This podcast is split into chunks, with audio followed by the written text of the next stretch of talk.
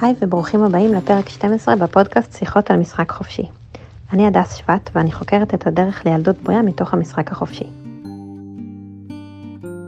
היום הזמנתי את דניאל מנו, מדריכת הורים ותלמידה נצחית אה, במכון ניופלד. אה, עוד רגע תספרי לנו עוד קצת על עצמך ועל אה, על מה את לומדת ועושה בעולם. לדבר על, על, על המשחק מהכיוון של, של הרגש, של גן המשחקים הרגשי. איך המשחק הוא יש לו תפקיד כל כך משמעותי בבריאות הרגשית, בבריאות הנפשית של הילדים וגם שלנו. אז אה, ספרי לנו קצת עלייך, דניאל. איזה כיף, תודה, נעים מאוד, תודה שהזמנת אותי. אמ, אז באמת, אני אימא קוראים לי דניאל, ואני גרה בצורינו שבצפון איטליה. אני אימא לאו בן 11, עוד מעט 12, ומיוש אה, עוד מעט בת 10. ואני פרודה, גרושה, ועברנו לפה ממיאמי, ולפני כן ככה, זזנו, זזנו לא מעט. אה, אני מנחת הורים, להורות בחיבור, חיבור עם עצמנו, חיבור עם הילד. הבסיס הוא באמת ניופלד, כלומר גישה היקשרותית, מדעי המוח, ושלבים התפתחות, שלבי התפתחות המוח על בסיס אה, הרגש, ביחד עם תקשורת מקרבת, כי איכשהו גיליתי שההיקשרות הרבה פעמים מציבה הרבה ציפיות ואידיאלים שאולי צריך ככה עוזר, עוזר להוריד אותם לקרקע, עם המון המון חמלה ואמפתיה לעצמנו, כן.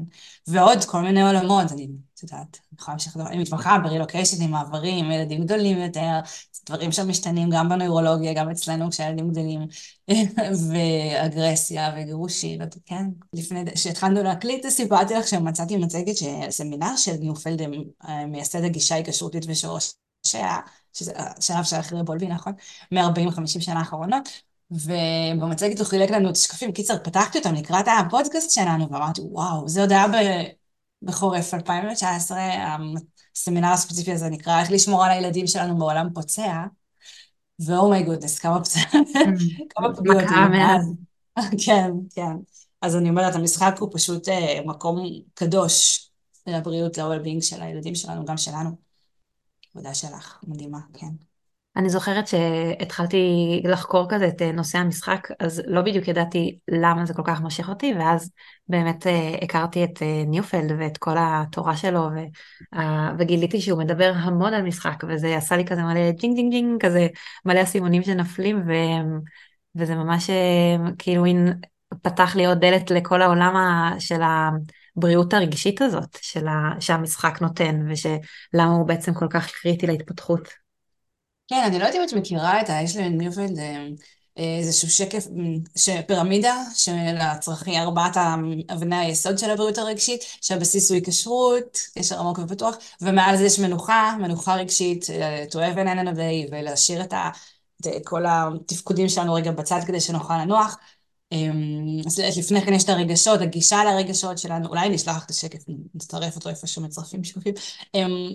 אז יש לנו היקשרות, רגשות, מנוחה, ומעליה פסגת הפירמידה זה משחק, שתכף אולי נבין רגע מהו, אבל מה שיפה זה שהיא דו-כיוונית, כאילו, הבסיס הוא היקשרות ומעליו נבנה כל, אם אין היקשרות, אין רגישה לרגשות, אין מנוחה, אין איים של משחק, אבל איים של משחק הם גם אלו שמאפשרים אמ, את המנוחה הרגשית, את הגישה לרגשות, ומחזקים את ההיקשרות, שזה מהמם. כן. זה, זה גם בסיס וגם ה-top of the... זה ממש, נכון, יש לזה המון תפקידים בבניית בריאות הזאת, וגם בהתפתחות. אז באמת, אמ, דיברנו כבר בפרקים, גם אה, היה לי פרק בתחילת הפודקאסט עם אה, שושנה היימן, שכזה הביאה את מכון יופד לארץ, ודיברנו קצת על מה זה המשחק האמיתי הזה, מה זה משחק חופשי. אז, אמ, אז אפשר כזה להגיד ממש במשפט ש, ש, שמשחק אמיתי ומשחק חופשי לפי, אה, לפי הגישה של ניופלד זה, זה משחק שאין לו מטרה, אין לו איזה תכלית. לא תכלית לימודית ולא אה, ספורט ולא תחרות, אמ, כאילו ממש אה, משחק שהוא, אמ, אין לו איזה יעד. כן. כן. אין לו תכלי, אין לו, הוא לא מתנה בציונים או בניקוד או בתוצאות מסוימות. למשל, אה, כדורגל שהוא ספורט, הוא משחק תחרותי שיש לו יעדים מאוד ברורים, יעדים ברורים, ולכן הוא לא באמת משחק אמיתי. אז, אז כן, משחק צריך להיות משהו שיש בו ביטוי עצמי, רצוי שיהיה בו ביטוי עצמי, אומנות, כתיבה וכולי, או שירה או מוזיקה, והוא... אמרנו, הוא לא מצב עבודה, אנחנו לא צריכים להיות בתפקודים לא קוגניטיביים של ציונים וכולי, וגם לא חברתיים, לא צריך להתחשב, לא צריך לשתף, לא צריך לתת הכדור למישהו, לא צריך לוותר על צעצוע, ולכן גם playdates, כאילו אחרי הצהריים, אנחנו לא במצב משחק שמה, כי ברוב הזמן יש שם עוד מישהו שצריך להיות אה, בתפקודים חברתיים כלפיו, זה לא באמת מאפשר את המנוחה, זה לא ממש בסדר. לדעת שגם בתוך המשחק ילדים לומדים את כל הדברים האלה של להתחשב במישהו אחר, של לחלוק, של זה, אז, אז אולי בעצם זה, זה שני סוגים שונים של משחק. כי גם נגיד, אה, עוד מעט נדבר על זה בהמשך, על, על משחקים חברתיים כאלה. מסורתיים mm-hmm. שמשחקים כבר uh, מאז, uh, מאז ומעולם כזה, האנושות משחקת באיזה תמה מרכזית של משחקים yeah. כן. חברתיים, נדבר על זה אחר כך, אבל באמת mm-hmm. יש את המקום הזה של המנוחה, של המשחק שהוא חופשי מכל מטרה. כן, כן. אז, uh, אז כשאנחנו מדברות על הגן משחקים הרגשי, נראה לי אנחנו מדברות בעיקר על המקום הזה של המשחק ללא מטרה, אבל אחר כך כן נדבר קצת על, על משחקים חברתיים שיש להם איזשהו תפקיד אולי. נכון, נכון לגמרי. וגם, והמאפיין השלישי שהם מגדירים באמצעותו משחק, הוא גם כזה שהוא לא אמיתי, הוא מדומיין, לילד ברור שזה לא, לא במציאות כרגע, זה מרכיב ככה, אז אפשר לשחק בטובים ורעים, אני יכול... זאת אומרת, זה לא המציאות, אם מסתכלים על גן שיש שם בדרך כלל גני משחקים, גינות הן מגודרות, יש שם גדר, אז הגבול הוא מאוד ברור. אה, אבל כן, זה, אלו שלושת המרכיבים העיקריים. זה, זה המקום שבו אנחנו בפלואו, אנחנו מרגישים הנאה וכיף, אה, אנחנו בביטוי עצמי והזמן טס כזה, גם, גם אנחנו מכירות את זה, מה, גם לנו יש, או רצויים שיהיו מקומות של משחק. אה, אז כן. אז בעצם אנחנו מדברות על הגן משחקים הרגישי, על איזשהו מרחב שמאפשר ביטוי. אה, ביטוי רגשי, ביטוי לפחדים, ביטוי ל... ל... לא יודעת, לדברים שמטרידים. את הילד. כן, כן. אני לפעמים מדבר על, יש את המשפט שאומר two steps removed, כלומר, זה המקום, למה זה בעצם מקום רגשי, אולי אני קופצת כמה נגד קדימה מדי, אבל זה מקום שבו הרגשות שלנו יכולים לזוז הלאה ולעבור עיבוד בלי שנצטרך לעשות שום דבר, כי כאילו יותר קל לי להיות פגיע ולהרגיש לי רגשות כשקשה לי להרגיש, כשזה מקום, כאילו, את יודעת, אנחנו רואים סרט עכשיו כל המשפחה ביחד, עזבי שזה מסך רגע, אבל זה נניח זמן חיבור ואנחנו ביחד, אני יכולה לבכות בגלל הסרט ולא בגלל הכלב שלי שמת. אז זה כאילו, כמו לא להסתכל במבט עשיר לשמש, שזה כואב מדי, אבל אם אני רגע עושה איזשהו... אז זה מה שהמשחק עושה בצורה מאוד טבעית. וגם אני חושבת שאם אולי יש כאן איזה רעיון מרכזי, גם שדיברנו על זה קצת בהכנה, אז דיברנו על, על מין רעיון מרכזי של אה, להרגיש רגשות גדולים, אבל בתוך מרחב בטוח של קשר, mm-hmm. אה, בתוך ההיקשרות הבטוחה. וזה יוצר איזושהי חוויית חיים כזאת של הקשר הוא בטוח, אני יכול להרגיש, אה, אני יכול להביא את כל, כל מה שאני, אני יכולה להביא את כל מה שאני מרגישה ו, ועדיין הקשר יישאר בטוח, שזה נכון. ממש החוויית חיים שאנחנו רוצות לתת לילדים שלנו. כן, כן, כי בסופו של יום אה, אנחנו לא יכולות אמ, להבטיח לילד עולם בטוח, זה אי אפשר. אנחנו כן יכולות לגרום לו, לעזור לו, להרגיש בטוח. וברגע שהוא מרגיש בטוח, הוא כבר פנוי לצמיחה, לשגשוג, להגיע למלוא הפוטנציאל שלו. זו הדוגמה לפעמים הכי משתמש בה באמת, זאת הדוגמה של אסון טבע, או רעידת, רעידת אדמה, כל דבר כזה, כשיש את המנוסה הזאת, הילד בורח, הוא לא בודק, כי פעם חשבנו, פירמידת הצרכים של מאסלו, זה אוכל, זה... הילד, כשהוא במנוסה הזאת, הוא בבית, הוא לא מחפש אוכל, הוא לא מחפש מים, הוא אפילו לא מחפש קורת גג, מה הוא מחפש? אמא, אמא, אבא, אבא, איפה? זה מה שאנחנו צריכים. אנחנו צריכים להרגיש בטוחים. אה, הילד צריך להרגיש בטוח, גם אם אנחנו לא יכולים להבטיח לו באמת עולם בטוח שהוא, שאין בו פגיעות. להרגיש ביחד. להרגיש ביחד. כמו בספר של פודוב שראיתי שלט מתישהו. נכון, כן, נכון, כן. פודוב טוב בזה. כן. זה איזשהו נווה מדבר כזה של ביטחון אז, אז דניאל, אני רוצה לשאול אה, לפני שנתחיל לדבר על איך מוצאים בתוך השגרת חיים שלנו איים כאלה של מנוחה ומשחק, mm-hmm. בואי נדבר שנייה על למה זה כל כך בעייתי שרגשות נשארים תקועים. כן. בעצם יש לנו את רגשות הליבה, קודם כל כל השיח על רגשות הוא כמובן, אני לא אגיד מוקצה, אבל רגשות בגדול נתפסים בתור משהו שמפריע לחיים בתרבות שלנו, משהו שעדיף בלעדיו, זה מחליש, זה לא, אין לזה מקום. אני שמחה שזה מתרחב, אה, זאת אומרת זה משתנה, יש יותר דיבור על זה, עדיין עם הרגשות היותר קשים שלנו בחוויה האנושית של לא של הצער, כאב, אה, בכי וכולי, זה לא, לא, קשה לנו, גם קשה לנו לראות האהובים שלנו בוכים ושקשה להם, אז, אז אפשר להבין, יש כאן משהו מאוד טבעי שמקשה. אבל אה, אנחנו מפספסים פה בענק, כי אנחנו יודעים היום מכל השפות שאנחנו מדברות, מכל העולמות, שכשאנחנו לא מגיעים לגע, לגעת ברגשות הלא נעימים של החוויה האנושית, אנחנו מפספסים בהכרח גם את הצד השני. אז אם אני, אני יכולה להיות יותר מגוננת, אנחנו, הילד שלנו יהיה פחות פגיע, כלומר, הוא פחות לב, ופחות יכעיס אותו, ופחות יכאב לו, אבל כתוצאה מכך הוא גם לא ידע התלהבות אמיתית מהי, וליהנות עד הסוף, ואנחנו לא רוצים את זה, אנחנו רוצים חיים של מבוגר שחי במלוא הפוטנציאל, כן. ורגשות הליבה של המוח הם מאוד ספציפיים בהקשר הזה, אבל זה תסכול, מרדף ובהלה. אלה הרגשות הראשונים שהמערכת אה, שולחת אותנו אליהם. ואלה הם הרגשות שבדרך כלל קשה יותר למצוא להם אה, מקום אה, מפלט רגשי כזה. זה מה שהמשחק יכול לעשות. אז, אז אם את שואלת מה קורה כשלא, נניח בואי נדמיין, תסכול הרי זה רגע שנולד בתור מציאות, כשיש מציאות שאנחנו לא יכולים לשנות. בהלה גם כן נועדה לשמור עלינו מפני סכנה. מרדף, הכוונה למרדף היקשרותי, כשיש איום, כשיש איזושהי סיבה... איום של נפרדות. איום של, כן, בדיוק, של פרידה. הרגשות האלה יצטרכו מתישהו לצאת. אם זה לא יוצא, אז, אז קודם כל, הדיפולט זה שזה יצא אצלנו, נכון? אצל אמא ואבא בבית, בתוך הקשר הבטוח. אם זה לא יוצא אצל אמא, אז אצל אבא, או הפוך, אבל כדאי מאוד שזה יצא. כשזה לא קורה, אז הרבה פעמים זה יכול לצאת אה, מול האח או אחות, אם יש בבית, או חיית מחמד, כמה הורים כבר הגיעו אליי עם אה, ילדים שהתחילו לכפכף את הכלבה או את הכלב כשנולד תינוק חדש. אמ, ואם זה לא יוצא על חיית המחמד, זה יכול לצאת בבית ספר. כאן כבר אה, אנחנו אומרים בבית הוא ממש בסדר, אבל בבית ספר זה, זה כבר סימן הרבה יותר, אה, ככה, למצוקה הרבה יותר קשה, אה, שכמובן אפשר לסדר, אבל זה יותר בעייתי. ואם זה לא יצא בבית ספר, כלומר, אם הבית ספוג יותר מדי בהלה והרגש לא יכול לצאת שם, וגם בית הספר הוא מקום כזה, זה יכול אפילו לצאת כלפי עצמנו, כן. כל מיני טיקים, כל מיני, כל מיני שיח של ילד שמאשים את עצמו, או פיזית פעולות שם, טיקים, וזה כאילו, ואם זה לא יצא גם שם, אז oh my goodness, אנחנו מתחילים לצמח חומות, וזה תהליך שהוא הרבה יותר אה, זה כאילו oh my goodness, אבל אני חושבת ש... שזה לא איזה משהו קיצוני, כי אני חושבת ש... שאפילו, את יודעת, אמ, כולנו, רובנו כנראה מכירים את הדבר הזה של אה, האשמה עצמית ודיבור שלילי על עצמנו, כזה קולות פנימיים בראש של כזה מקטינים אותנו, וזה באיזשהו אופן זה, זה מתחיל שם, זה מתחיל בילדות, בחוסר יכולת אה, להביא את הרגשות האלה החוצה ושהם יתקבלו באהבה ובהכלה. ואז זה נכנס פנימה והופך להיות שיח פנימי ש, שמחליש ומקטין אותנו. אני חושבת שזה הכי רווח בעולם, כאילו רוב האנשים אולי סובלים מהדברים האלה, אז זה באמת משהו שבונה איזושהי בריאות נפשית, אה, רגשית, ל...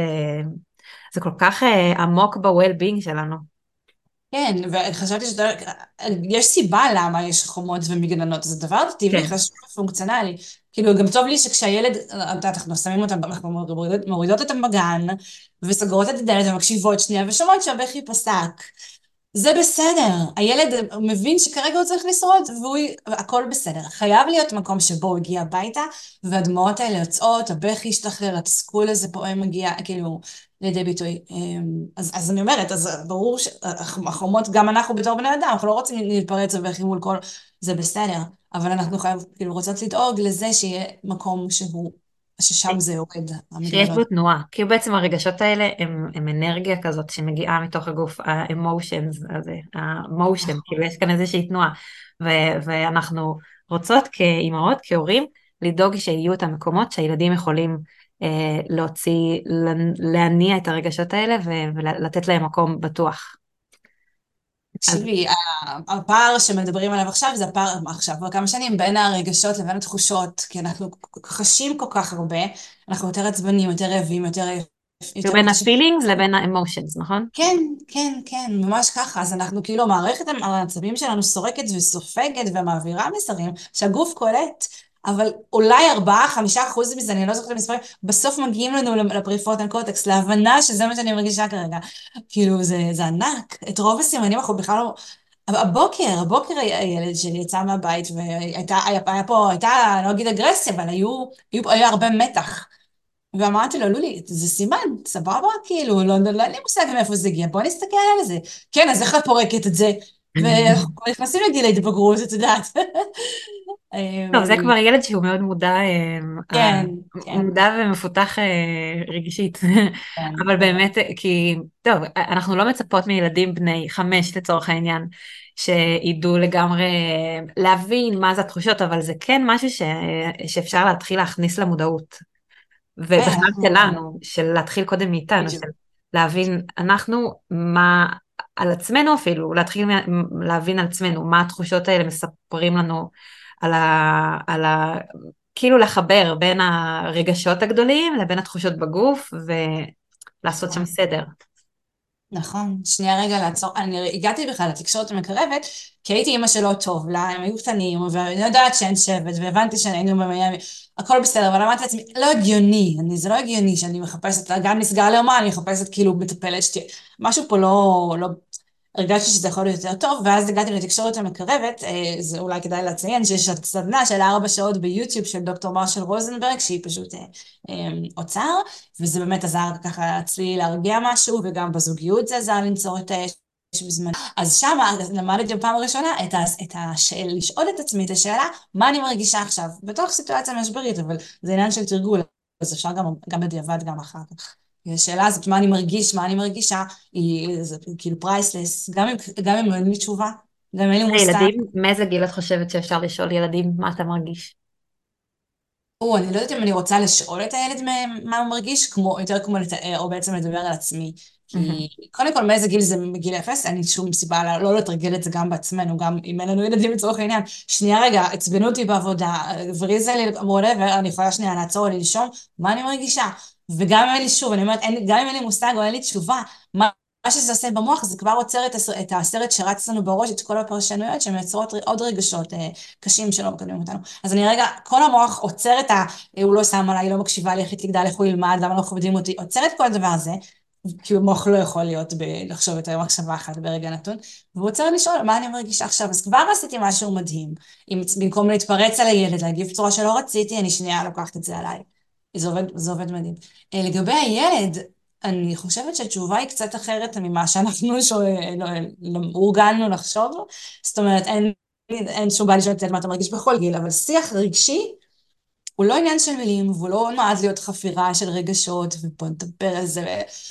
לא, פשוט לפנות להם את הדרך לרגשות, ליצור את הזמן, את המשחק, את ה... וואו, זה ממש משמעותי. כן, כן. ששיח רגשי לא, אני כזה מדברת על זה עכשיו הרבה, על ה-bottom down, וכאילו מלמעלה למטה ומלמטה למעלה, כאילו, זה לא חייב להיות דרך דיבורים ודרך המוח ודרך הוורבליות, זה יכול להיות גם פשוט בלהיות ולאפשר את המקום הזה. יואו, זה ממש מרגש אותי לשמוע את זה ככה, זה כל כך נכון, את צודקת. כאילו, למה, למה זה מרגש אותי? כי כשזה, כשאנחנו באות ואומרות איך הרגשת, תספר לי מה היה, המורה אמרה לי, הגננת סיפרה לי שזה המבחוץ הזה. וזה טוב, זה, לא- אין עם זה בעיה, זאת אומרת, זה הרבה, כן, לפעמים זה יכול- באמת מה שצריך לעשות, אבל לפעמים כן, כן. פשוט מלמטה למעלה כזה, בלתת תחושה שאנחנו ביחד ובטוח כאן ונעים כאן ו- ואתה יכול להיות מה שאתה רוצה להיות. ש- שמבפנים הזה החוצה הוא ליצור את התנאים בטוחים, גם, גם עבורנו וגם עבורם. ואז זה לא בהכרח שיחה על רגשות, אלא זה פשוט, וואו, עולה לי, אני לא יכולה, אז בואו החוצה, בואו לפארק, בואו לגינה, בואו נצא. ש, שם זאת עבודה רגשית, מדהימה. אנחנו זורקים אבנים לנהר או לשלולית, אנחנו דורכים על עלים, אנחנו מוצאים מקלות, אנחנו מתח... אנחנו אנתרופ- אנתרופוסופים. אנחנו משחקים בבוץ. תנועה, אמרת את זה כל כך יפה קודם, יש שם, הרגשות זזים, יש איזושהי תנועה החוצה של אנרגיה שמשוחקת, בכלל לא משנה מה היה בבית, הרגשות התפנו, כאילו. אני, זה ממש אה, טוב לי הנקודת הסתכלות הזאת על הרגשות, לא כאל אה, דיבור, כאילו כאל מין גוף מוח ביחד. אני אוהבת כן, את זה.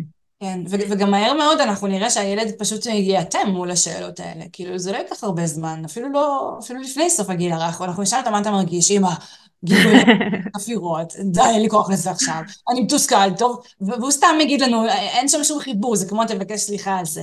אני מעדיפה פי מיליון לאפשר להם את זה, להוציא, כמו שאמרת, מפנים החוצה, מאשר ללמד אותם לתת את השיעור, ושיש לזה חשיבות שוב, אבל זה לא הכל, זה לא נועד להיות ככה. זה לא נועד להיות שיח רגשי, מילולי, אינסופי, של חפירות. ודרך אגב, אתמול אני בדיוק לוקחת עכשיו קורס בניופלד המתבגרים, מכשרות ומתבגרים, ומה שהם אמרו אתמול הפתיע, הפתיע אותי, היא אמרה שכדרך אגב, כהערה, שגם הילד, כאילו גם המודלינג הזה הוא a little bit too overrated. Like, הילדים שלנו אולי לא צריכים לראות אותנו מרגישות כל רגש עכשיו שיש בספקטרום. יש להם את זה כבר, הם נולדו עם הרגש הזה. אנחנו, אנחנו צריכים לוודא שאנחנו לא עוצרים להם את זה, לבדוק איפה אני, אולי זה מפעיל אותי, אולי אני בהתנגדות לזה, וכאילו זאת העבודה שלנו, לייצר מספיק מקום, לייצר את הזמן. אז יאללה, אז בואי נדבר על, על, על איים של, של גן משחקים רגשי. איך אנחנו מצליחות להכניס את זה לחיים, ואיך אנחנו uh, שמות לב שיש מספיק איים כאלה בשגרה כן. שלנו. טוב, עולה לי להתחיל קודם כל, אה, האנתרופוסופיה עושה את זה בצורה מעוררת באמת השתאות, הערצה, התפעלו, אין, מדהים, זאת אומרת, לי עולה, כשלא, הרבה לפני שבכלל ידעתי כשרות ומשחק, היה לי מאוד הגיוני להביא את הילד, כאילו לחזור עם הילד הביתה אחרי הגן, פשוט כדאי, כדי לרגע לעצור את כל העבודה. ספציפית הייתי ברגולוקיישן וגם בשביל לי זו הייתה עבודה לדבר עם אמהות כאילו אמריקאיות וכולי. אמרתי בוא נגיע הביתה רגע, נהיה בשקט שלנו. כאילו ננוח, וגם שם אמהות אומרות לי, כן, אבל מה, צריך להשיג אותו? מכניס אותו לתוך, הש... לתוך המשפחה, להכניס אותו לתוך החיים שלנו, להזמין אותו להתקיים בנוכחות שלנו, זה פייר, זה כל מה שיוצר, כאילו, בוא, בוא נשמה, כאילו, תקפל איתי כביסה, שב לידי כמה דקות אני במטבח. כן, מין התכנסות פנימה. מה? כן. מין התכנסות פנימה כזאת, כאילו, ב, אני קוראת לזה ה... כאילו אני וגם קים פיין ב simplicity parenting הוא מדבר על זה המון, על נשימה כזאת של הריתמוס. יש את הכניסה פנימה ויש את היציאה החוצה של המפגש והתנועה וזה, וצריך את, ה, את הרגעים האלה של ההתכנסות פנימה. שהם כן. יכולים להיות ממש קטנים, לחזור הביתה ולשתות מיץ, מים, אה, קפה. אז האיסוף ההיקשרותי, זה, זהו, אז זה אולי לא המשחק, כאילו זה שנייה לפני המשחק. כאילו זה כן. כשחוזרים מהגן, רגע לשבת על איזה משהו מתוק, טעים ביחד, או, לא, או איזה קערת פירות, או בואו רגע נשב שנייה, כל, הגעתי להיקשרות בין היתר כי לא הפסקנו לזוז ממקום למקום, גם במיאמי עברנו מלא דירות והם עברו המון מסגרות והיה לי ברור שאני צריכה איזשהו עוגן, משהו שמנחה אותי. הסיפור של אמרת כרגע שקראת לו ריתמוס, ש... זאת אומרת שהוא הוא כל כך אה, הוא מציל, כי כולנו אנחנו מנותקים כרגע אחד מהשני מבחינה היקשרותית, האינסטינקט הוא לא פעיל, אין עניין לשתף פעולה, אין, זאת אומרת, זה לא שם. רגע להגיע הביתה, להתיישב שנייה על השולחן, לתת להם איזה משהו חמוד לאכול, לאכול את זה איתם ביחד, משהו שזה... כן, זה, זה בדיוק האיסוף הרגשי הזה.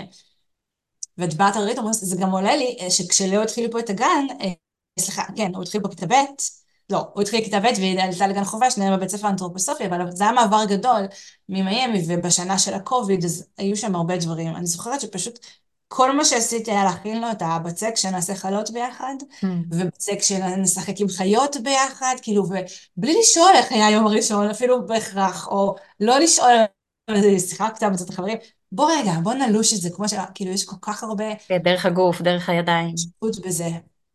זה מה שמאפשר למערכת העצבים לחזור למצב מלוכה, זה כל מה שביקשנו. כן. נכון. אז, אז, אז כאילו אז... במקום כזה התנועה הזאת של כזה לאסוף מהגן ולהמשיך לצאת לגן משחקים ולפגוש עוד אה, חברים וזה, אז, אז רגע כאילו להתכנס רגע, זה לא משנה אם זה בתוך הבית או בחוץ או למצוא את המקום שבעיקר את התנועה, את התנועה הזאת של כזה האיסוף וה, וההתכנסות. כן, ועולה לי כל הזמן להתחבר רגע לצד הפרקטי של החיים, אני, אה, זה לא חייב להיות כל הזמן, זאת אומרת, יש לנו סידורים, צריך לנסוע לסופר, צריך לאסוף את האח השני, השלישי, הרביעי, הכל בסדר. אבל אה, אפשר להקדיש את זה אולי אפילו כמה דקות לפני השינה, בבוקר בטוח, בטוח, בטוח, הכי ממליצה בעולם, כמה דקות לפני להתעורר כדי לאסוף רגשית את הילדים שלנו, חיוך, קשר, אין חיבוק מגע. אבל אמ, אמ, אם זה כאילו לאורך, הוא קורא לזה איים של משחק, אני אופנת, כי זה ממש איזה איים, כאילו איים קטנים בתוך אוקיינוס של אה, סדר יום כאוטי, וזה בסדר. זה צריך להיות עם, כלומר, זה, זה יותר מה טוב, רק זה עלינו לוודא את זה. אני לא יכול, כאילו לכמת את זה זה מאוד אינדיבידואלי. אם אפשר כמה דקות כל יום את האיסוף הזה, ואז לאפשר לילד אה, אה, לשחק במשחק חופשי, שתכף גם נראה, ניתן דוגמאות, אבל, אז, אז מעולה. אבל אם לא, להיות minded, כאילו mindful על הדבר הזה. אם יש יותר מדי פרצי תסכול, אם הילד לא משתף פעולה, אם אני מסתכלת על הילד שלי ורואה שעובר עליו משהו, זו דרך כאילו אחלה דרך להסתכל ולהגיד, רגע, אולי, אולי חסר פה, אולי אין לנו מספיק שקט, אולי זזנו יותר מדי, מחוגים לחדשות, לתפקודים, ושנייה אחת הוא לא, הוא לא עצר, אני לא עצרתי.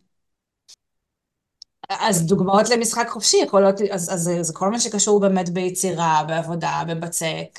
כל השנים הראשונות שהם היו בגן, תמיד בארבע וחצי מחכה להם עם איזה משהו שאנחנו נעשה ביחד. זה לא חייב להיות כן פעילות, אבל זה פשוט עזר לי לייצר איזה עוגן עם עצמי. כאילו אמ, איזשהו ביטוי אומנותי. ביטוי אמנותי או פעילות, כן, כן. אמ, אבל, זה יכול... אבל אני חושבת שכן, יש הבדל אה, בין כזה ביטוי אומנותי, כאילו אה, בצק או כזה צבעים, לבין אה, אומנות או יצירה שיש לה באמת מטרה. שזה גם כזה מאוד Mm. ההבדל בין משחק שהוא אה, חופשי למשחק שהוא אה, עם מטרה מסוימת. Mm. ובאמת עכשיו אני קוראת ספר ממש מעניין על אה, מלכה האס, שכזה הגננת המיתולוגית שייסדה את כל החצרות גרוטאות, Mm. והיא מדברת על זה שם המון, כי היא התעסקה מאוד ב... בהנגשת, איך מנגישים אומנות לילדים, כאילו מה המטרה בכלל. והיה לה כזה ביתן ציור שהיא הקימה בקיבוץ לפני 60 שנה, לא יודעת, וכאילו היו חוקים נורא נורא ברורים, בדיוק הגבולות האלה שדיברת עליהם, על כזה איך מניחים את המכחולים, איך אה, אה, אסור אה, להפריע לחבר שעומד לידך וזה, אבל היה אסור בשום פנים ואופן להעיר למישהו על הציור שלו, לשאול אותו אפילו מה הוא צייר, כאילו זה היה כזה הכי יצירה לשם היצירה, ולאף אחד אסור, זה היה כזה קודש, אסור להתערב במה ש... כאילו בביטוי האומנותי. וזה ממש מרגש לקרוא שזה כזה, אם זה היה כל כך חשוב לפני 60 שנה, זה היה ממש מהפכני. נכון, נכון. אבל זה ממש חידד לי את ההבדל הזה בין ציור אפילו, את יודעת, לצבוע בתוך קווים, לבין כזה צבעי עיפרון או גואש או משהו שכזה פשוט תעשה עכשיו מה שאתה רוצה, וגם לא כזה, מה ציירת? מה זה, כאילו, פשוט לתת, לא משנה מה יוצא, הכי כלום, כאילו אין כלום, אבל זה לא משנה, העיקר זה לעשות, העיקר זה לא... לימדנו בתור מבוגרים, אחד ה... אחד ה... אני מאחלת לעצמי מתישהו להצליח לקבל את הביטחון לייצר, לצייר, להחזיק מכחול ולא לפחד, אני מתה, זה לא קורה בינתיים, אני לא שם. כי אני פוחדת, מה, מה, לא יוצא נכון, כי, כי אנחנו למדנו שצריך לצייר יפה. וצריך לא לצאת מהקווים, וצריך, יש חוקים, אבל בסדר, זה יכול להיות, יש גם חוקים, אני לא באה להגיד שאין חוקים ואין אסתטיקה, אני מאוד אוהבת אסתטיקה, אבל, אבל יש גם את המקום החופשי הזה של הביטוי הרגשי, כן. שהוא חשוב נורא. וזה באמת, אנחנו יכולות להסתכל על הילד ולנסות להבין, למשל פאזל, יש לו מטרה, הוא יכול להיות סופר מתסכל, אפילו לגו, שהוא כאילו משחק, זה יכול להיות ממש מתסכל, מגנטים, זה מתפרק, כאילו, אז אני מסתכלת על הילד, אני רואה, אוקיי, זה לא מה שכיוונתי אליו, בוא נעשה רגע משהו אחר, בוא נעשה איזה ריסט כזה. אבל הרבה פעמים זה באמת ינוע מתוכם, כל הטיפול בבובות, כל ה-taking care of, הבנייה, בצק, ציור וצביעה חופשיים, משחק בהאנשה, כל מיני של דמויות. אני מאוד אוהבת את האנתרופוסופי, כי זה סופר ניטרלי, נכון? אפילו ליד בובות שם אין פנים, הילד יכול להחליט מה הוא מרגיש באותו רגע, הילדה פנויה, יש לה את החופש הזה. זה הולך וקצת נהיה יותר מאתגר כשהם גדלים, אבל אני גם אומרת, כאילו, לי הכי קל פשוט לצאת החוצה. אבל זה לא כזה קל, כי לא תמיד הילד רוצה לצאת החוצה. כן, וגם לא תמיד זה קל להתארגן, ולפעמים אם בעיר, אז לא כזה קל למצוא את המקום, או בקיץ, בישראל, נכון. ממש לא קל לצאת החוצה. נכון, נכון, נכון, לגמרי. אבל באמת אני... יש משהו שנורא משתחרר בחוץ, כן. באנרגיות. אבל דברים שאני הייתי עושה בזמנו, זה היה גיגית מרפסת עם חיות. כן. או קצת מים, מים וחול, או כל, כאילו, זה מלכלך, נכון, זה בסיס, זה בלאגן. אבל וואלה, emotional health is messy. אנחנו רוצים רגע שזה יהיה, שזה יצא חוצה, אחרת זה באמת יישאר בפנים. ואם את רוצה, אפשר גם להגיד מילה אולי באמת על הפונקציונליות של האגרסיה המשוחקת, של הרגשות בעלה ומרדף של נכון, כי יש המון חוכמה, באמת, אם עצרנו אי פעם לשאול את עצמנו למה ילדים רצים כל הזמן, למה משחקים תופסת, למה משחקים, מאיפה זה מגיע? ואני זוכרת איך התרגשתי כשגיליתי שזה מגיע מתוך הצורך של לשחק את האגרסיה, לשחק החוצה את התסכול, רגע, איפה זה מוצאים אותי, אי שם בהלה שמגיעה לידי ביטוי, מרדף, כל התופסת, מה זה אם לא מרדף, ש, שאחר כך אם אולי קיוויתי לקבל קשר עין, או יחס מהגנת גננת ולא קיבלתי, או מחבר הכי טוב שלי, אז אני שנייה אחת מחפשים אותי ומוצאים אותי, ואז כל הפוקוס עליי, או בתופסת, והפוך, אני I get to be alpha, אני כאילו, אני זאת שמחליטה, אני זאת שיוצרת, אני קובעת מה קורה כרגע לבובה, מה היחסים ביניהם. ראינו את זה במלחמה, אני, היו לי כבר כמה הורים שבאו וסיפרו שהם רצו לשחק בחמאס ובשבויים, שזה היה מאוד על העמים, מאוד מעורר בעיה להורים, אבל בסופו של דבר זו הדרך של הילד לדבר את זה. או... כן, זה בדיוק מה שדיברנו, של בעצם היכולת אה, להביא את הרגשות, הרגשות ליבה האלה שהם כל כך מבהילים, כל כך חזקים וכל כך מבהילים, ולהביא אותם לתוך משחק זה דווקא סימן טוב, כי אולי זה מבהיל בשביל ההורה, אבל זה סימן טוב שהילד מוכן להביא את זה, הוא מרגיש מספיק בטוח כדי להביא את זה למרחב הזה. ממש ככה. ולא, ש... כאילו שזה בסדר להביא את זה. איזו, איזו מחמאה, סליחה על הרומנטיזציה, כן, אבל כשההורה רואה שהילד מרגיש כל כך בטוח, זה אומר, הוא בעצם אומר לנו, לא נבהל מזה, אני, אני, אני לא פוחד להבהיל אתכם בזה, אני יודע שאתם יכולים להתמודד עם זה, זה מרגיש לי מס, מספיק גדול כאן, וכדי שאני אוכל להביא את זה, בלי שזה יתפוצץ, בלי שזה יהיה עכשיו, זאת אה, הבעת אמון מאוד גדולה בעצם בנו, כשהילדים שלנו עושים את זה. כן, אני שמעתי את המושג הזה של ה-fear-based play, שזה כאילו משחקים שבבסיס באמת נוגעים ברגשות האלה של המבהילים, הליבתיים האלה. ו... ואפשר להכניס לסוג משחק הזה באמת את כל ה... הרי כל המשחקים החברתיים כזה, המסורתיים, הם באמת אה, סוגים שונים של תופסת ומחבואים. אז באיזשהו אופן כל המשחקים האלה הם מין אימון עם הרגשות ליבה האלה.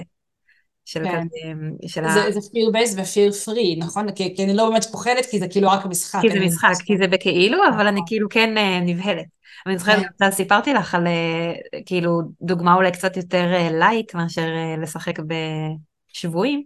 אה, שכזה עכשיו בתקופה עכשיו של המלחמה אז, הבן שלי כזה סתם הלכנו כזה ברחוב והוא אה, כזה היה איזה כוך כזה של הפח זבל והוא התחבא שם ו, וכזה רצה שהוא כזה אמר לי מה הולך להיות הוא אמר לי תעברי ואני אבהיל אותך ואז כאילו mm. שיחקנו מלא מלא פעמים בבהלה הזאת שכאילו אוקיי עכשיו תורך עכשיו אתה הולך ואני עושה לך בו עכשיו אה, כאילו התחלפנו ושוב ושוב הוא כאילו ביקש עוד ועוד לשחק בבו הזה למרות שזה לא הוא לא באמת נבהל כי הוא כבר ידע שזה מה שהולך לקרות אבל הוא כל הזמן ביקש לעשות את זה עוד פעם ועוד פעם. וואו, כן, זה, זה ממש פידבק בשבילנו בתור הורים, הנה בעלה שיוצאת, איזה יופי. כן. אנחנו גם נראה את ההבדל אצל הילד, אם אנחנו רואים אותו, אה, הילדה שלנו ב... היא תוססת, משהו שם לא רגוע, אנחנו רואים שכל... הגענו, רק השנייה נכנסנו מהגן, וכבר היא מתחילה להציק לאחותה, וכבר שום דבר לא טוב לה, אנחנו רואים שהתסכול שם תקוע. ואז כשנצליח לשחרר אותו, אולי גם אפשר לדבר על דמעות וכמה על העצב, אבל כשנצליח לשחרר את זה, אם זה בצורת משחק או נראה שפתאום משהו שם מעוקל, משהו יצא מהסיסטם, אה, כמו שאנחנו מרגישות הקלה אחרי בכי טוב השיחה עם חברה, גם לנו כן, משחק. כן. אנחנו, הבן שלי מאוד אוהב אה, לעשות האבקויות, הוא עושה איתי ראסלינג על המיטה. אה, נכון, שזה עוד דרך של מין משחק אגרסיות כזה, rough and tumble play, של כזה כן. להתגושש, משחקי התגוששות. עם אגם מוק, נכון? שיש כן. שמערכת העצמית כאילו מקבלת את המגע הזה. עולה לי לציין כאן, א', שממש מגיל אפס היינו עושים אה, אה, מילת קוד, כאילו אתם רוצים לעלות אחד על השני כמו בסדר, אבל בואו נוודא שזה סייף, ותחשבו על איזה מילה, שאם אתם אומרים אותה, אבל באמת כשזה, כשאתם רוצים להפסיק. אז באמת זה, זה, זה עובד מדהים, הם אפילו לימדו פה את החברים. Mm. וניופלד מספר שלא כל אגרסיה משוחקת, כאילו שאגרסיה היא לא בהכרח אלימות. כי אני זוכרת כמה אני נבהלתי עוד לפני שהייתי, לראות או ילדים משחקים נניח ברובים, או מדברים על גנבים ושוטרים. ואני אומרת, מאיפה זה מגיע? מאיפה, למה יש את הכעס הזה? למה הילד צריך להרגיש שיש טובים ורעים? כאילו, באמת לא הבנתי למה זה... והתשובה היא, כאילו, אנחנו יודעים היום, כמו שאמרת, שזה המקום, הרגשות האלה בכל מקרה נוצרים במערכת. כן. זה המקום שלהם לבטא את זה בצורה טובה, זה דווקא טוב לנו, שמטפלות מחזיקות כל מיני צעצועים כמו אקדחים ורובים, זה טוב, יש לזה סיבה.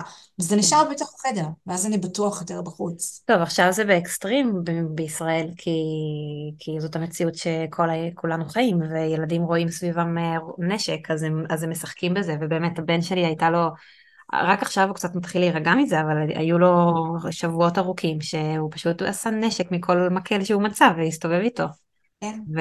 ציורים, מציירים טילים, את החמאס שולח אלינו טילים. אנחנו, כמה ציורים ילדים אה, סביב המלחמה הזאת, שאנחנו נבהלים, יש לנו נטייה להיבהל, וזה בסדר, אבל אנחנו רוצים לזכור שפה זה יוצא, זה, זה דווקא בריא שזה יוצא ככה. כן, כאילו, ממש. נכון, גם מלכה האס בספר, היא מספרת על, אה, על אה, מלחמת יום כיפור, אני חושבת ש, שכמה הביתן ציור שלה היה שוקק בזמן הזה, שילדים פשוט וואו.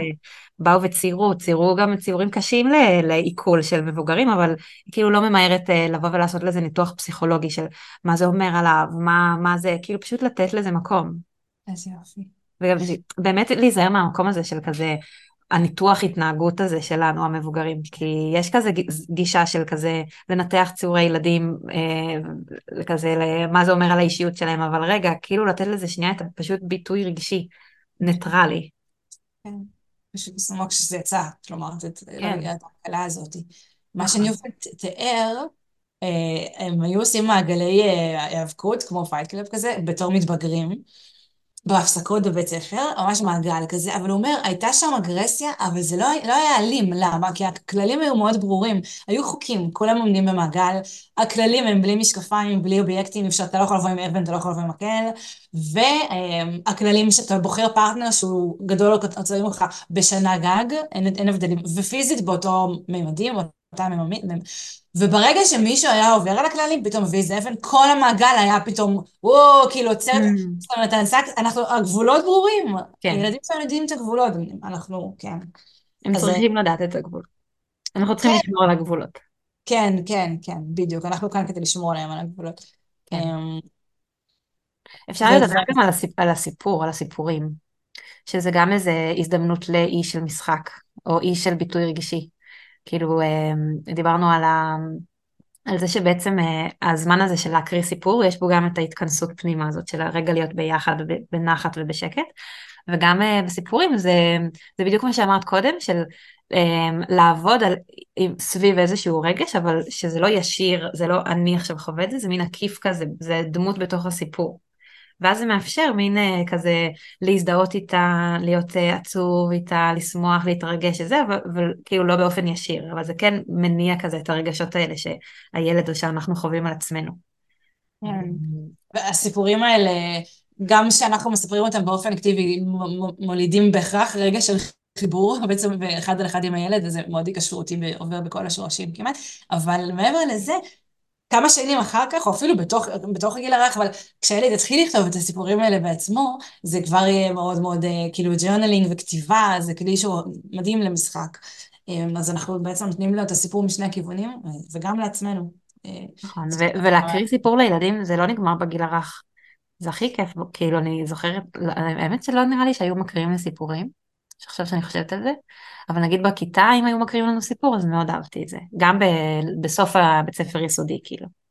כן, כן. מי הבא עליי שלשום עם ספר בעברית שהיא רצתה שאני אקרא להם לפני השינה, ממש, ממש לא היה לי כמובן כוח, עוד תכנונים לעשות את זה, אבל אמרתי, אה, אוקיי, וואו, בטח, בוא נקרא את הספר, ואני אומרת בעברית, כי לא, היא קוראת קצת עברית בעצמה, אבל אה, זה היה נחמד, סיפרנו, סיפרנו את הסיפור הזה ביחד, קראנו ביחד. אבל באמת, ניופל מדבר על זה שהתרבות שלנו איבדה את המשחק, וכל התשובות היו שם, אם זה בדת, ואם זה ב... בריתמוסים של, כן, בטקסים. ממש, אפילו מקהלה בכנסייה שם, או כל מי שקשור לתיאטרון, לדרמה, למוזיקה. וואו, אני חייבת לשתף אותך, יש את המחזמר המילטון, שמספר את כל הסיפור על אלכסנדר המילטון, אחד מהאבות המייסדים, האב אב המייסד של אמריקה, שהגענו אליו ולא משנה איך, אבל אנחנו, זה מחזמר של שלוש שעות, שהוא פשוט תרגם את הביוגרפיה שאלכסנדר המילטון כתב ב-1776, הוא תרגם את זה למחזמר בקצב מהיר ברמות, כי הרבה מאוד ראפ, מוזיקת ראפ. גדול. ויש שם ריקודים ותפאורה ותלבושות, וזה מאוד, אה, זה, אנחנו באובססיה זה כבר כמה שבועות. ורק אתמול או שלשום הבנתי, כאילו זה סיפור מלחמה, אוקיי? הבנתי כמה זה משרת את כולנו, כאילו כמה זה עושה לכולנו. אנחנו שרים את זה, ואנחנו עושים את זה ברדיו, אנחנו מדביקים את כל החברים, והילדים משחקים את זה. אני כאילו מטבח ואני שומעת לכם מתכננים את הסצנה בין אלכסנדר המילטון לגלפייט, לא משנה. אז הם לוקחים את הדמויות האלה והקרנבל ופורים, כל הדברים האלה, יש להם תפקיד מאוד חשוב, אפילו לטקס שבת, כאילו לקבלת שבת, לנרות, לשירה, זה משחק, אלו ריתמוס, כאילו התרבות, הדת, התרבות, חשבנו על זה, זה כבר היה שם, הטבע חשב על זה. זה עניין שלנו לשמר את זה, להתפנות לזה, לזכור את זה, למצוא את הגרסאות שלנו שיעבדו. לא חייבים קידוש אם אנחנו לא דתיים, לא חייבים להתפלל, אפשר הודיה, אפשר רגע לעצור. כן, הנרות, החום, שירה. זה מזכיר לי שני דברים, כאילו מצד אחד זה מזכיר לי כזה את הסיפורים של האחים גרים, שכל כך אוהבים באנתרופוסופיה, שהם כאילו מן הקצה של סיפורי אימה, שנוגעים בכל מיני פחדים אה, ליבתיים של החיים. ומצד שני זה מזכיר לי את פרשת השבוע. שגם כן. שם כאילו יש דברים שאת כזה, אוקיי, זה לא מתאים לגיל הרך, מצד אחד, מצד שני, בסדר, ברור שלא כל דבר צריך לספר, אבל, אבל באיזשהו אופן, בפרשת השבוע זה גם מין כזה המיתולוגיה שלנו שנוגעת ב, בליבה של כל היחסים בין אנשים ופחדים ומוות וחיים וכאילו יש משהו ב, ב, בסיפור הזה ש, שכזה הסיפור של עם או סיפור של לא יודעת האחים גרים למי שנוהג אמ, שזה באמת זה באמת כאילו לגעת בדברים האלה אבל לא בחיים האמיתיים וזה באמת חשוב כאילו יש היום אני חושבת אולי אה, מה זה היום לי לפעמים יש נטייה להימנע מרגשות קשים כאלה, גם מול הילדים, לא לספר סיפור מפחיד, להעביר את החלק הזה, אבל. אבל זה טוב ש... זה טוב לגעת בהתאם לשלב ההתפתחותי של הילדים בדבר המפחיד הזה ביחד. זה בסדר שזה. מפחיד, זה בסדר שזה עצוב, זה בסדר שזה, אה, לא יודעת. כן, כל כן. זה ביחד. מדברים הרבה על האחים גרים ובכלל על כל הקונספט, כל, כל הקונספט של שירי ערש לדוגמה, למה שירים הם כל כך עצובים. נכון, יש שירי ערש נוראים. למדתי על זה כן, פעם איזה קורס. באמת, אז כן, אז טוב, אז הסיפור של, גם של שירי, המטרה הייתה באמת להזיז קדימה רגשות. ספציפית לגבי שירי ערש, אני יכולה להתחבר לזה, כי זה מצריך המון, הכניסה לשינה מצריכה איזושהי הרפאיה מאיתנו, שקשה לנו להשיג אותה. אה, בטח אם היה אחר הצהריים אה, אקטיק כזה וביזי. אז אה, שירי ערש מאפשרים, הם נועדו לאפשר איזה let go, איזה לשחרר מהיום שהיה את האבל. אנחנו מתאבלים על היום שנגמר, על כל מה שלא הספקנו, כל מה שלא רצינו שקרה, ומה שלא רצינו ולא, רצינו ולא קרה. זה איזושהי אפשרות שנייה להיכנס למצב של הרפאיה. ואז דרך אגב, כאילו עזבו דמעות של עצבים של כניסה וקונפליקט סביב הכניסה למיטה, סביב ההרדמה.